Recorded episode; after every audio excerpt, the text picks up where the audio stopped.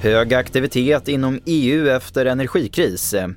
Idag begravs Sovjetunionens siste ledare Mikhail Gorbatjov och svenskar återvinner som aldrig förr. Det är rubrikerna i TV4-nyheterna som börjar med att det inom EU nu pågår febril aktivitet för att hantera energikrisen.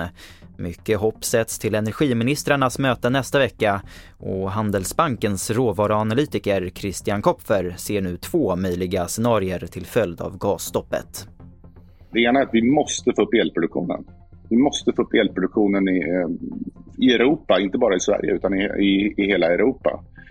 Annars så, måste, så kommer priserna att stiga kraftigt och då är vi tillbaka i den här extremt inflationistiska miljön. Men jag tror det, det mest sannolika i ett sådant scenario att med fortsatt höga elpriser, det är en nedläggning av, eh, kraftig nedläggning av produktionskapaciteten för en väldigt stor del av den europeiska basindustrin.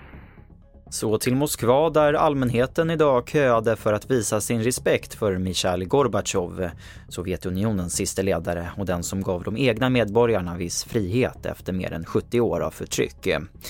Gorbatjov ligger på Lidi Parad i Unionernas hus och kommer att begravas senare idag på en allmän kyrkogård. Nu på förmiddagen har det återigen brunnit i Kristianstad, den åttonde branden där sedan halv fyra-tiden i morse då det första larmet kom. Det har bland annat brunnit i Tivoliparken och vid utsiktstornet på Norra Kanalgatan. Och nu senast var det en källare på Lilla Bangårdsgatan som brann.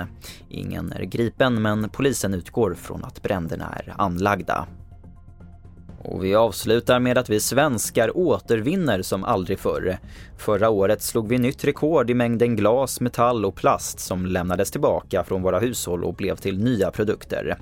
Helena Nylén, VD på Förpackningsinsamlingen, ser dock att vi kan göra mer.